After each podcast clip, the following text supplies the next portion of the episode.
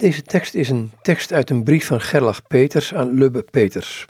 Gerlach Peters hij werd geboren om 1680 in Deventer en stierf, dat weten we wel zeker, op 18 november 1411.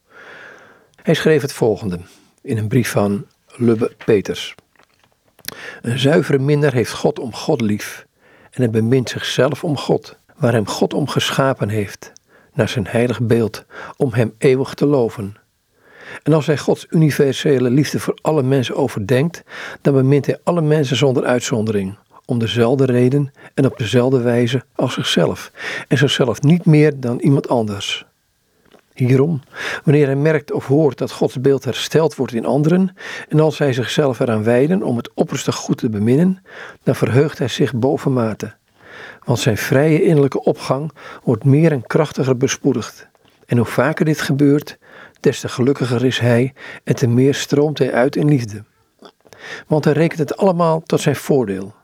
En al waar het ook dat hij in anderen iets opmerkt wat hij zelf niet heeft, dan is hij daarover net zo verheugd en tevreden alsof hij het zelf bezat.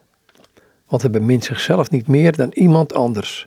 En hij bidt en begeert met zuivere liefde dat onze lieve Heer vermeerdert en voltooit wat hij aangevangen heeft.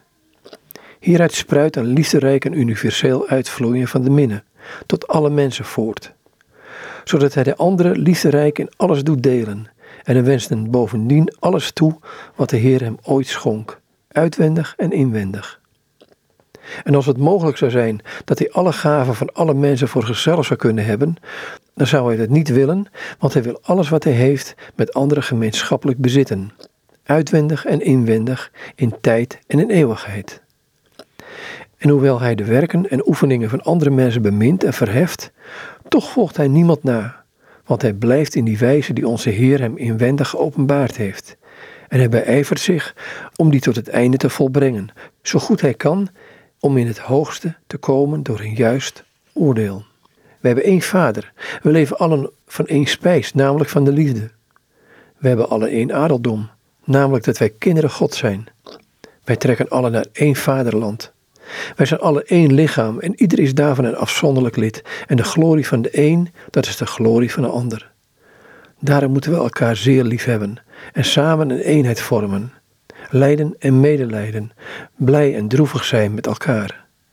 Niemand zal zichzelf zoeken, want ieder zal het net zo aan het hart liggen dat zijn broeder vrede heeft en vorderingen de deugden maakt, alsof het hem zelf betrof. Al dus Gerlach Peters in een brief aan Lubbe Peters.